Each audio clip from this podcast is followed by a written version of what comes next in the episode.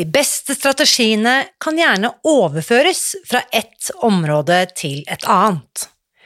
I dag forteller Mette Bugge hvordan gode tips for arbeidslivet kan gi helsegevinster på hjemmebane.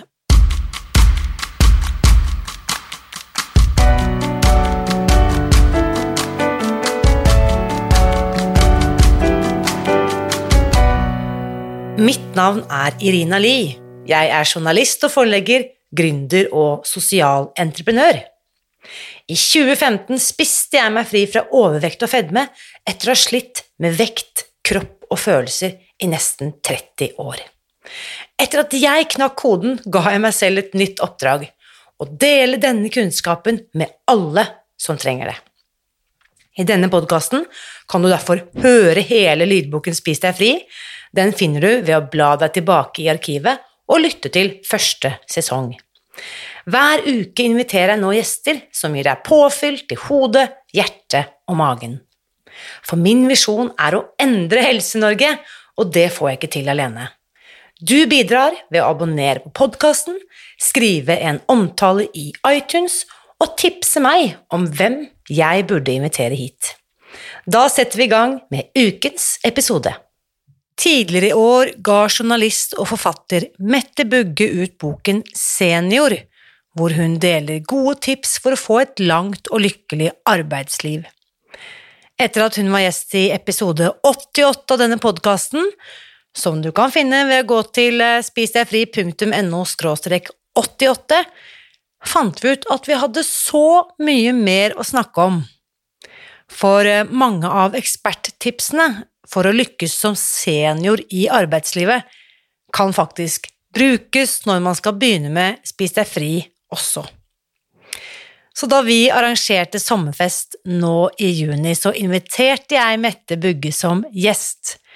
Her snakket vi om nettopp dette, hvilke strategier du kan implementere uansett om målet ditt er å lykkes i arbeidslivet, eller om det er å spise deg fri. Her er ukens gjest. Velkommen tilbake til eh, podkasten, eh, Mette. Det er veldig hyggelig å ha deg tilbake. Velkommen skal du være. Takk skal du ha. Og du var jo eh, Vi var jo så heldige å ha deg som gjest også i episode 88, der du fortalte oss, lytterne i denne fantastiske podkasten, om denne boken din, Senior, som kom ut tidligere i år og eh, har blitt en bestselger, kjøpt inn av Kulturrådet, er nå tilgjengelig i alle landets biblioteker, og som kan inspirere flere av oss til å få et langt og lykkelig arbeidsliv, som det du skriver om i denne boken. Og så etter vår forrige samtale så var jo du og jeg enige om at det var så mye mer vi skulle ha snakket om, og som du også tok initiativet til å kanskje knytte litt mer av, for du snakker jo med mange fantastiske eksperter som deler sine beste tips. Så du er jo selv nå blitt en ekspert, kan vi si, på dette med hva som skal til for å uh, lykkes i seniorlivet.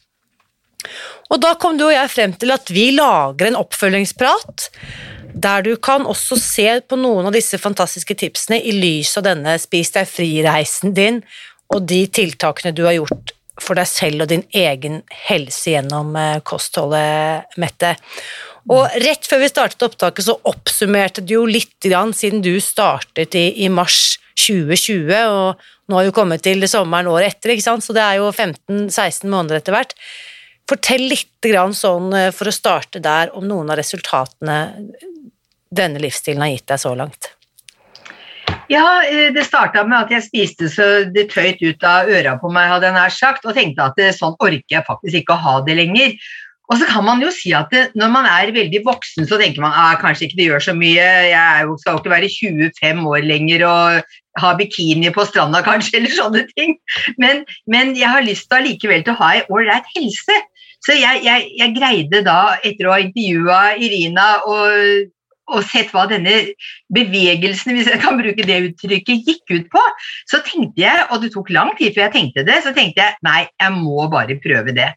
Og så begynte jeg også da, i, jeg tror jeg begynte faktisk i april i, i 2020, så begynte jeg på kurs, og det ble en veldig øyeåpner for hvordan det faktisk går an å ordne livet sitt. da.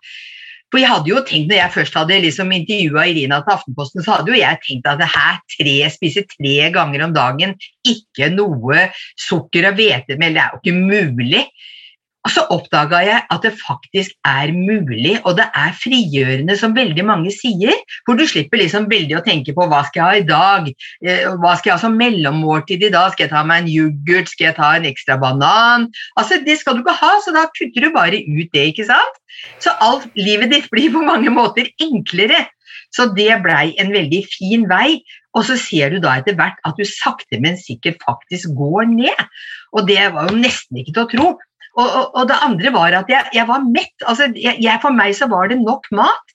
Eh, jeg syns noen ganger det til og med var litt for mye mat, med grønnsaker og sånn, men jeg tenkte det er veldig lurt. Og de gangene seinere hvor jeg på en måte er litt slapp med grønnsaker, og sånn, så syns jeg på mange måter at jeg fortere faller litt tilbake til litt gammelt spisemønster. Så jeg tror at dette med med mm, grønnsaker, det har utrolig mye å si. At vi greier å fylle på med det for å få den metthetsfølelsen og alle de gode tinga som kroppen vår trenger. Mm. Så eh, den ble en fin vei, akkurat det der. Og så som sagt så skulle jeg jo da hadde jo holdt på kjempelenge med å skrive bok. Og den heter jo da 'Veien til et langt og lykkelig arbeidsliv'. Og så prata jeg med, med, med, Irena nå for, for, en stund siden, og så fant jeg at det på mange måter mye der kan brukes om veien til et langt og lykkelig spis deg fri-liv. Altså et, et liv hvor du har en kropp og en helse og sånne ting som du syns er veldig ålreit. Og eh, jeg fant jeg kikka litt på disse avsnittene som jeg har på jobben, og, de, og mange av de passer faktisk på det vi holder på med alle sammen. Yes, Det er det som er så genialt med gode konsepter. Overføringsverdien er enorm. Og jeg vil tippe eh, kanskje det at du la om kosthold i fjor også mens du jobbet med dette bokprosjektet, Boken Senior, som eh, jo har blitt en eh, fantastisk, et referanseverk, vil jeg si, for alle oss som ser for oss å få et langt og lykkelig arbeidsliv, det er jo da at eh, kanskje er det også slik at det gode kostholdet ga deg litt ekstra, hva vet jeg, både fokus, kreativitet, energi, utholdenhet, ikke sant, i tillegg til, liksom, jeg vet at du hva var det du fortalte meg da? Du hadde gått ned over Du veier i dag over 20 kilo mindre enn det du gjorde på, på toppvekten din? Ja, mere, mer. Enda mer ned 25? Jeg veide jo 95-96, og hvis jeg sier jeg veier 70 nå, da Jeg er nede på 69 noen ganger. Hvis jeg veier ja. 70 nå, så er det jo 35 Blir ikke 35 kilo, det blir 25 kilo kanskje. 25 kilo pluss, det er fantastisk. kan ikke være god på alt, vet du, Mette. Ja. Nei, men, men, alt det var som sagt ikke gjennom spise deg fri, for jeg hadde holdt på opp og ned og opp og ned, så det var ikke alt. Men det som har gjort med Spis deg fri, er at det er blitt stabilt. Yes. Det er det, det, er, det er det som er det eneste som teller, faktisk. Og da er jeg kjempespent på å høre hvordan kan vi bruke de gode prinsippene du skriver om i boken din Senior, også til å få dette lange og lykkelige Spis deg fri-livet. Ja. Du, jeg kikka litt på, på, de kapitlene, og så begynner jeg med kapittel fem når endring blir vondt og vanskelig. For det kan du gjøre på jobben når du må gjøre andre ting. Og sånn vil jeg jo tro at de fleste har det når de har begynt på denne reisen her. Altså Det skal noe til å forandre den livsstilen som jeg tror de fleste av oss hatt. Vi spiser for mye, vi drikker for mye, vi slurver med matinntak, vi forbereder oss ikke. Og plutselig så skal vi liksom ha en matplan, vi skal ha en målvekt, vi skal snakke med folk rundt oss og fortelle at sånn, sånn er det nå. Så på mange måter så, så Si, så kan det være litt vanskelig å komme inn i den gode tralten. Eh, men, men, så får vi noen, noen, knep, da, eller som noen sa her like før det her, her at vi, jeg forteller det ganske klart ut hvor, hvordan det skal være. Og jeg tror Det var vel Randi som sa det, var ikke det, Randi? Eh, så, jeg, så, jeg, tror det at, det at vi nå staker ut for oss selv hvordan vi vil ha det, og så det, blir det kanskje mindre og mindre vanskelig. Eh, det går an å få det til, for det er, er så mange her inne som etter hvert er bevis på at vi faktisk lykkes. Det kan være litt vanskelig i starten, det kan til og med være vanskelig underveis.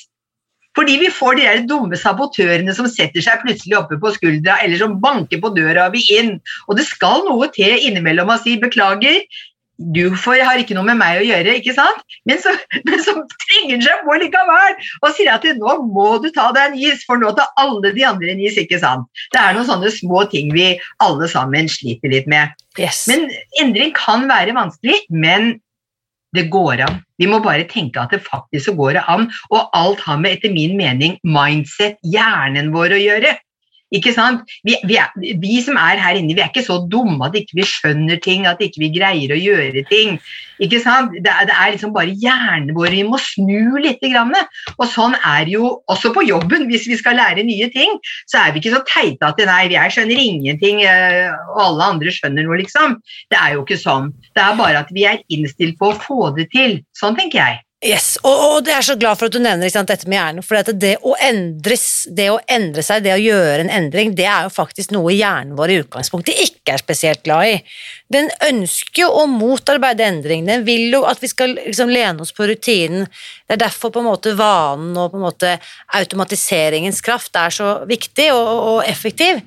Så det å gjøre en endring, jeg kan nesten si, i hvert fall for min egen del, det er vondt og vanskelig, det, i hvert fall i starten. Og så skriver du også i boken din her, um, som jeg også syns er et viktig poeng å få med, og jeg tror dette er også er overførbart. Uh, det er da en av disse kloke personene du har intervjuet, Robert eh, Salomon, som er forsker ved Arbeidsforskningsinstituttet ved Storbyuniversitetet Oslo OsloMet. Han sier her på side 43 i senfasen av yrkeskarrieren er det vanskelig å se alternative muligheter, derfor blir noen låst. Og her kunne vi bare erstattet ordet yrkeskarrieren med slankekarrieren. I senfasen av en slankekarriere så kan det være vanskelig for noen av oss å se alternative muligheter, og derfor blir noen av oss helt fastlåst. Hva tenker du her, eh, Mette? Eh, dette spiller også en rolle, hvor langt vi er kommet i karrieren vår, for å si det sånn. Ja, nå, nå, ser jeg at det er mange her altså Noen er mer voksne, og noen er ganske unge. Også for jeg som liksom har holdt på med all den slankinga hele livet eh, Jeg ga egentlig aldri opp, selv om man kunne tenke at nei, nå, nå har jeg holdt på så lenge, og det er jo ingenting som funker, så jeg kan liksom godt på en måte gi opp og bare bli så tjukk som de her du ser på amerikanske programmer som nesten ligger i senga si og bare velter nesten ikke kan, kan, bare spise du.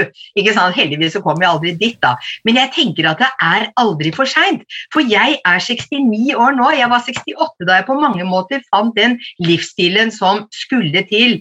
Og jeg, jeg har også tenkt å bli 100 år, for vi har jo vi har jo stadig mange hundreåringer. ikke sant? Flere og flere blir 100 år i Norge. Så hvis du da skal bli godt over 100 år, så må du ha helsa, du må i hvert fall gjøre noe for helsa di. Men, men, det morsomme var at jeg, jeg prøvde jo alt det andre som jeg er helt sikker på at alle dere andre har prøvd, med alt fra egg til ananas til faste til fedon til whatever, ikke sant? Men jeg tenkte alltid at det, må jo være en kur for meg også. Og det var det til slutt. altså Om ikke du kaller det kur, det var faktisk en livsstil som gikk an å følge uten at som har god mat, som har nok mat. Som, for hvis ikke det var nok mat, hva da vi sprakk? Ikke sant? Når ikke det var mm. nok mat. Og så har jeg også forandra meg veldig i den forstand at det før når jeg liksom begynte på disse slankekurene da, og hvis det gikk en halv dag og så jeg greide det, og så greide jeg det ikke om kvelden, da tenkte jeg alltid sånn Nei, nå kan det være til Unnskyld uttrykket, helvete med hele greiene, for dette kommer jo aldri til å gå. Men de få gangene jeg nå på en måte glipper og spiser noe som egentlig ikke var innafor Jeg tenker aldri at ikke jeg skal begynne om igjen på morgenen og begynne på det samme som jeg nå har lært. Jeg har aldri tenkt at nei, nå, nå går det ikke lenger. Jeg tenker at nå er det bare dag igjen, en ny dag, og vi bare går på. Fantastisk. Mm. Det var altså kapittel fem, når endring blir vondt og vanskelig, så her ser vi jo check, det kan overføres eh, til alle deler av livet. Hvilke andre gulltips her, eh, Mette, må vi få med oss fra dette? Ja, jeg har faktisk satt opp både fire, fem, seks kapitler her som passer. Det neste som jeg så, det var i kapittel ni, sjefens betydning. For på jobben så har jo faktisk sjefen en betydning. Eh, på hvor, eh, jeg skriver jo om seniorer og mange ting, men jeg er også veldig mye innom ledere og HR som har en utrolig stor betydning for at du skal å si, virke på jobb, hvis jeg kan si det. da, Og det er veldig mye opp til deg sjøl selv, selvfølgelig også. Og så tenker jeg på mange måter at uh, for oss så er på mange måter Rina sjefen. Hun er sjefen vår som leder oss på rett vei, og som stiller krav til oss og sånne ting. Og så har vi en administrerende direktør, for det er jo Susan Pierce Thompson. For dette er jo et internasjonalt konsern, ikke sant? Det er jo ikke bare noe vi holder på med litt i Norge. Dette er et internasjonalt Hun legger de store linjene, kommer med ny forskning, masse sånne ting som jeg tror det er verdt å, å ta med seg når det skjer. Og så har vi Irina da som sier 'jeg støtter deg alltid', og det er utrolig viktig eh, å, å, ha en som støtter oss, og som sier 'gå på, ikke gi deg', jeg er her for dere. Og så kommer det kurs, og så kommer det nye bøker, og så kommer det ting og tang som vi på en måte har god nytte av. Er du enig i det, Irina? Ja, Det var jo veldig hyggelig. Tusen, tusen takk for at jeg nå fikk opprykk eh, til sjef. Det er jo helt utrolig. Og det, da tenker jeg også en god sjef på de beste arbeidsplassene hvor jeg har vært, har jo tiltrukket seg ekstremt gode medarbeidere.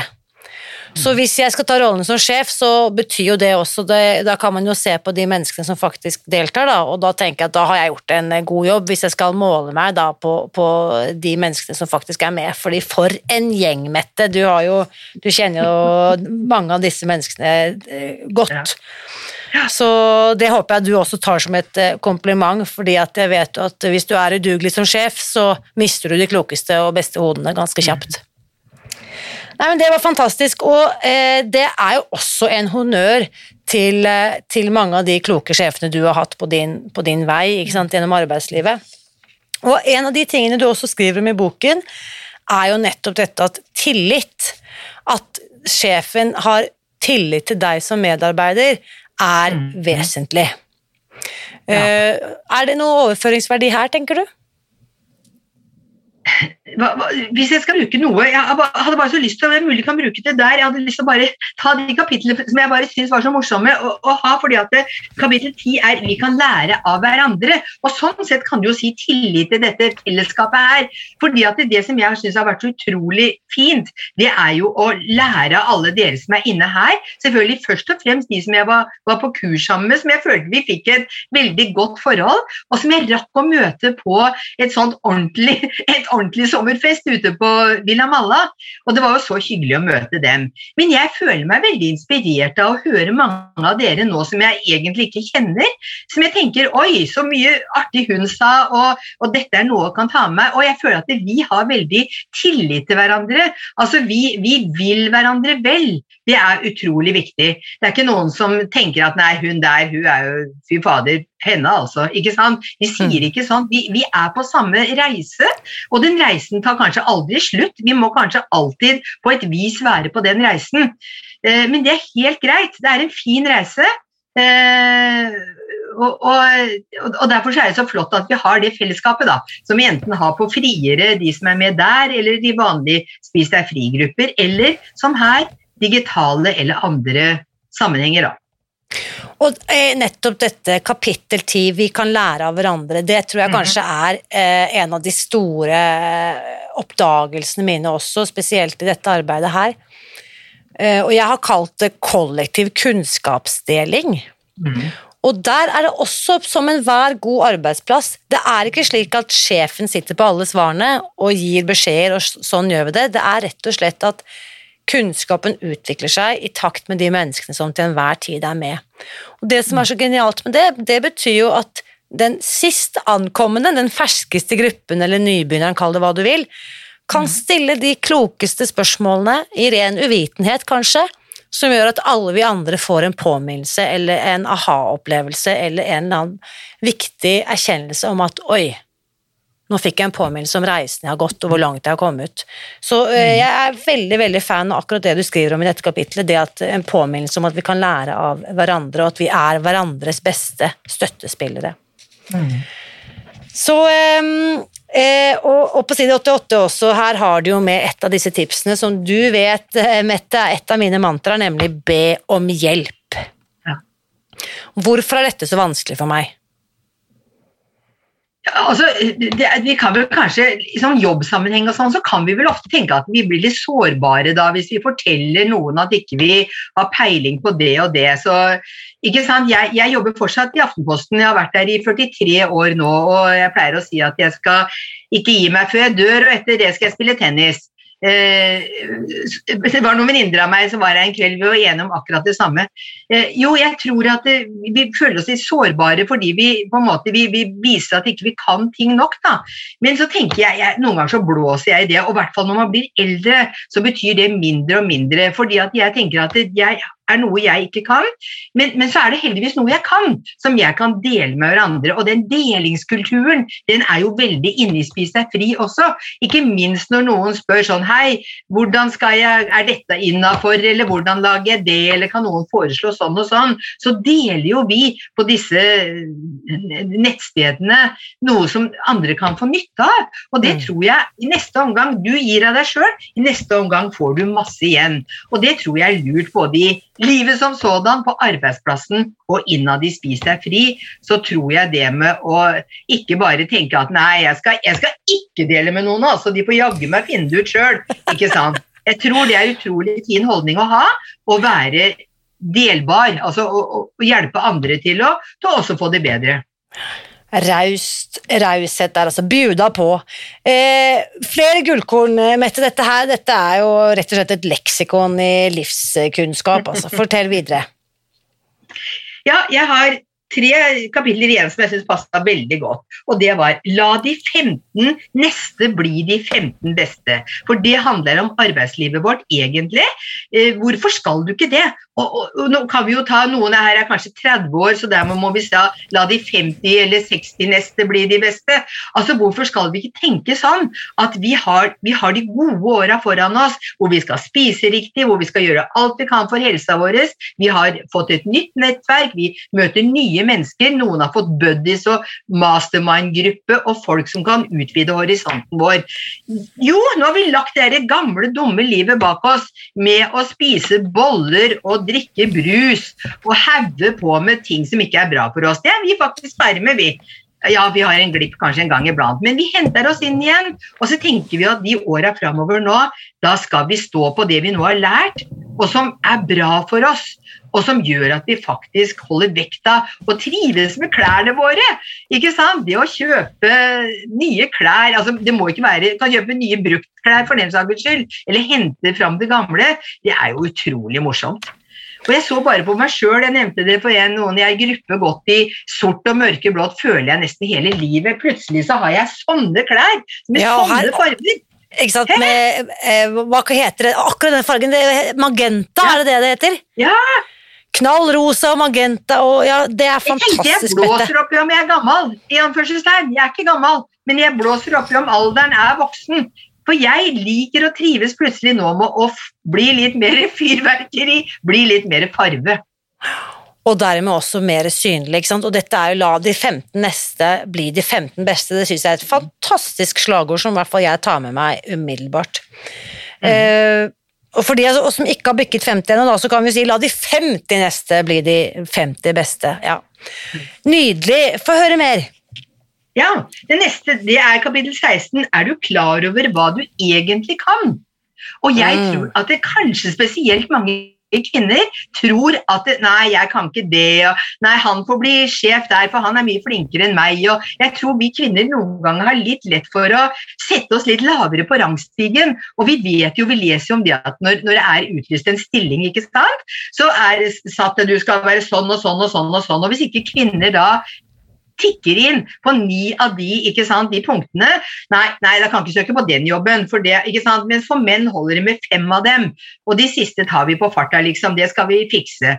Og, og, og, og jeg og vi, har, og vi, har, kanskje tenkt alle sammen sånn at nei, jeg, jeg får det aldri til å slanke meg, alle, eller gå ned i vekt. Alle andre får det til.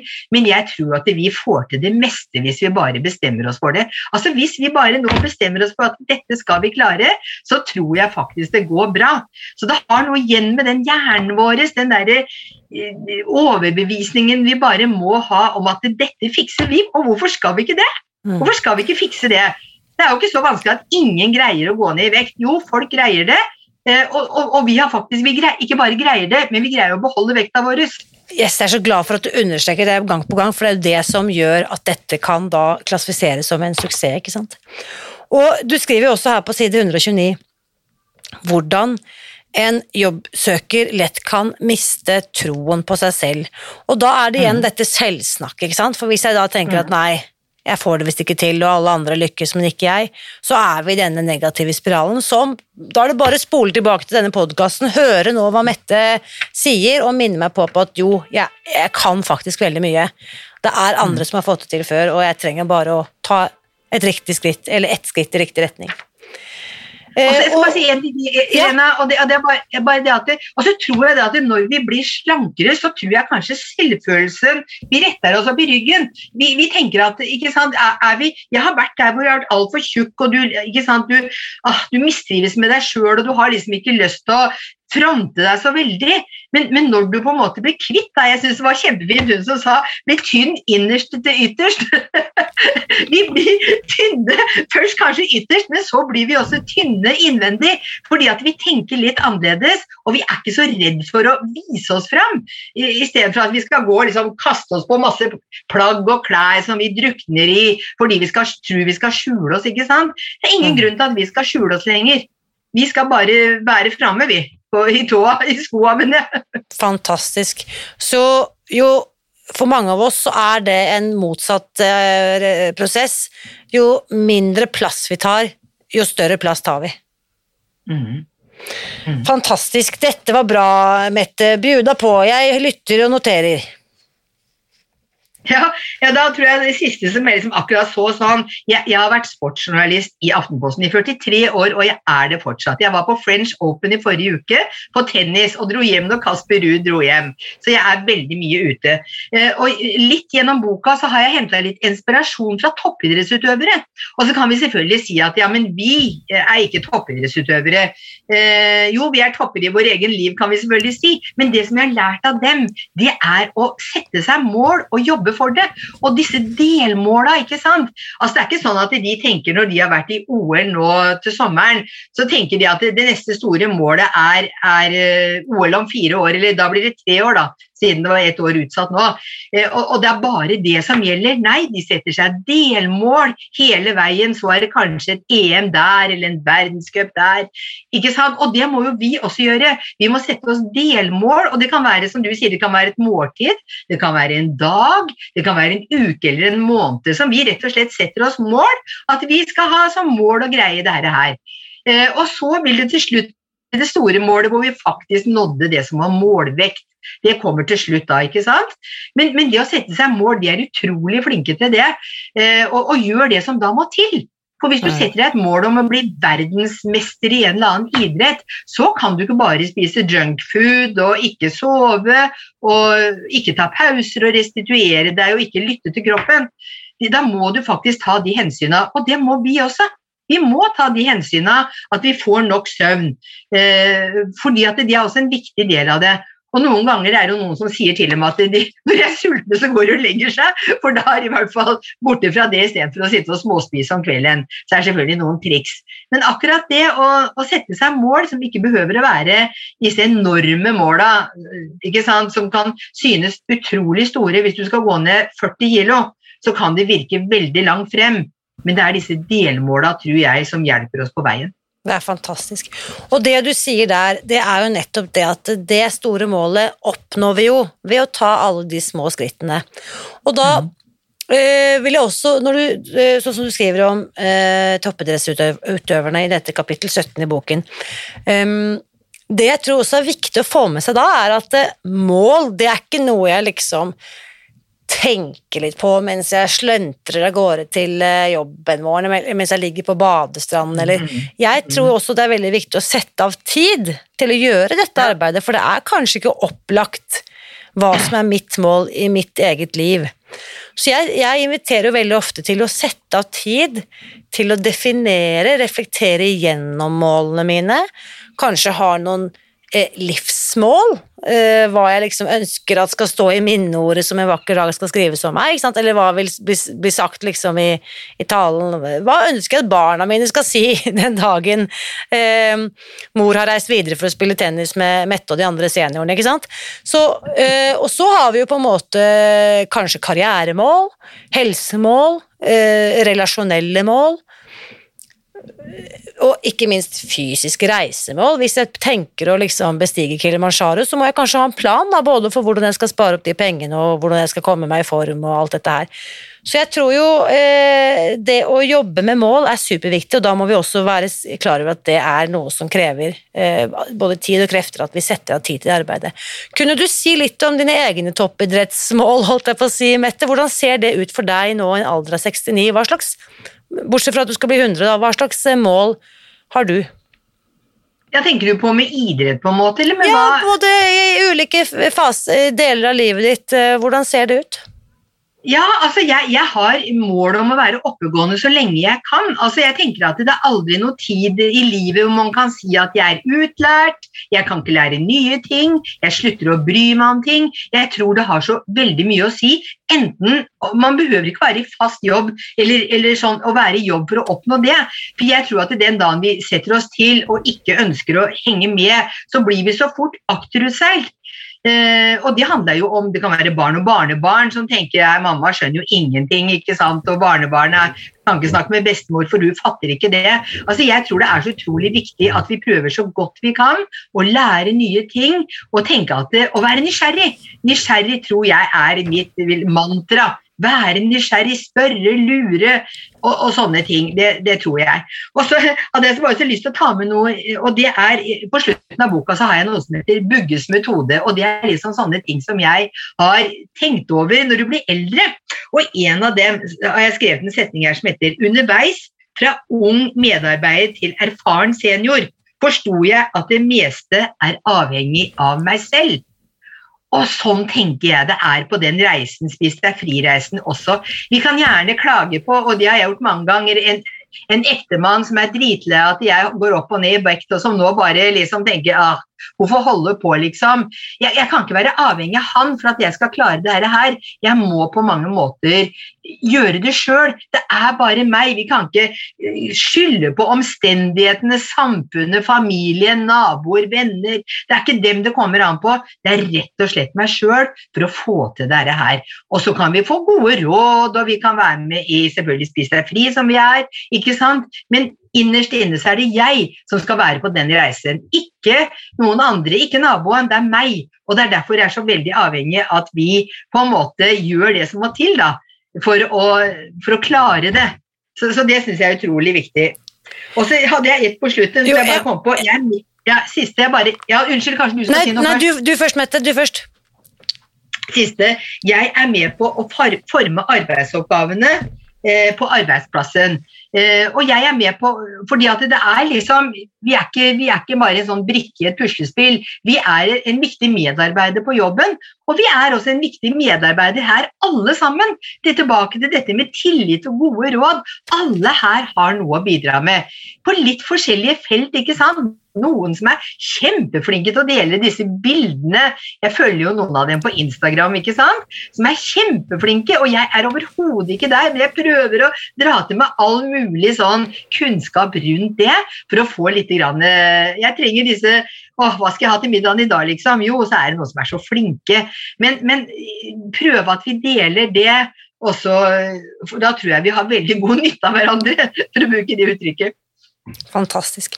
Det er så morsomt at du nevnte denne setningen i kapittel 22 om Bugges metode, for det er den jeg også en av de mange setningene jeg har tatt med meg, nemlig det du akkurat sa, ikke sant? At det meste er avhengig av meg selv. Det syns jeg er en utrolig viktig påminnelse om du er 29, 39, 49 eller, eller 60, eller 99 for den saks skyld. Og um, jeg håper også at denne, både boken din og samtalen her i dag kan inspirere noen til å skjønne at er, store endringer er mulig, selv om ikke vi gjør det perfekt. Og det er enorme gevinster som venter på oss, selv om ikke vi skulle komme til OL. Det tror jeg også er en viktig, viktig påminnelse om at det er veien som er selve målet. Mm. Mm.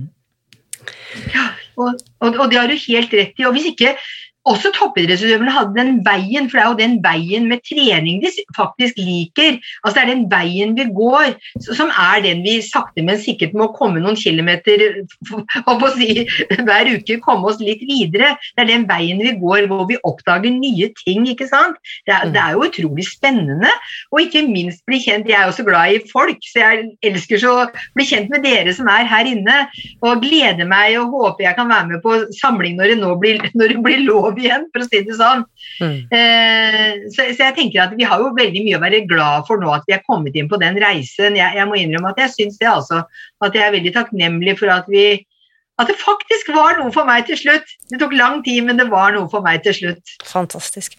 Og for de som fortsatt måtte være i tvil, Mette, som uh, hører dette nå, som kanskje tenker at jeg er usikker på dette her, altså. Dette, jeg er for fastlåst, eller det for meg er siste skip har gått, eller hva, hva tenker du hva, hva, kan, hva kan de trenge å høre for å bli litt oppmuntret?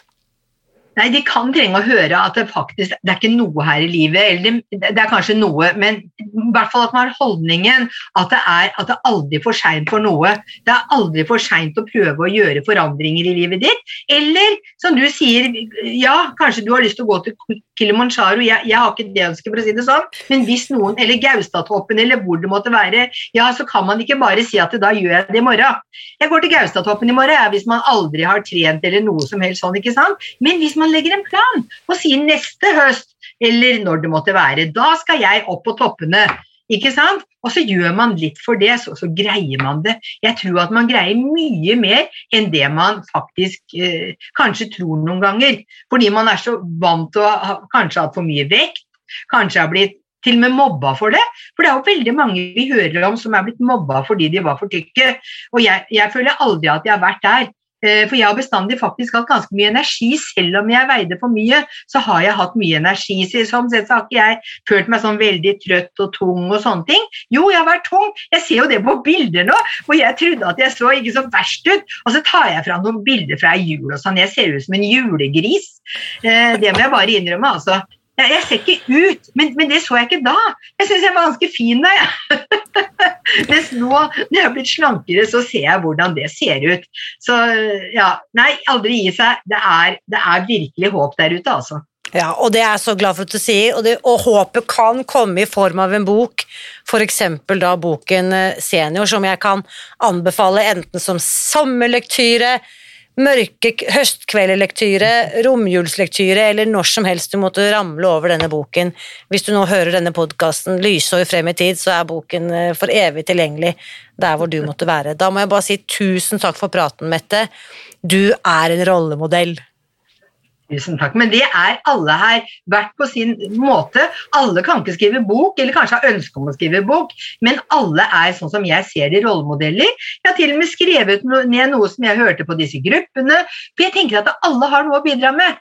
Vi må bare være, vite det. Alle har noe å bidra med. Tusen takk. Nå lurer jeg på, hvilken strategi kunne du tenke deg å teste ut nå umiddelbart? Samtalen etter ukens episode fortsetter som vanlig i Facebook-gruppen Spis deg fri, og jeg vil gjerne vite hva som har inspirert deg denne uken. Nå går vi inn i feriemodus, og jeg er som kjent stor tilhenger av å logge helt av noen uker i året. Det betyr at denne podkasten også tar en liten pause, og når vi er tilbake om noen uker, så har jeg utfordret noen av landets fremste helsepolitikere om hvilke tiltak som de mener er de viktigste for å motvirke overvekt og fedme i den norske befolkningen. Og i mellomtiden så vil jeg invitere deg til å reflektere litt over hva som er viktigst for deg i ditt liv. Og for å hjelpe deg på vei så har jeg laget en liten skriveøvelse med det jeg har valgt å kalle livets tre viktigste spørsmål. Og du kan laste ned disse ved å gå til nettsiden spisdegfri.no skråstrek viktig. Da fyller du bare inn navn og e-post, og så sender jeg disse spørsmålene på mail til deg. Og spørsmålene ligger altså og venter på deg nå på nettsiden vår på spisdegfri.no skråstrek Viktig! Så klikk deg inn der nå og last ned, så har du noe fint å tenke på eh, gjennom sommeren mens du er i feriemodus. Og da gjenstår det egentlig bare å ønske deg en skikkelig god sommer, og uansett hva du velger å fylle tankene dine med mens solen skinner, så vit at jeg heier på deg. Alltid.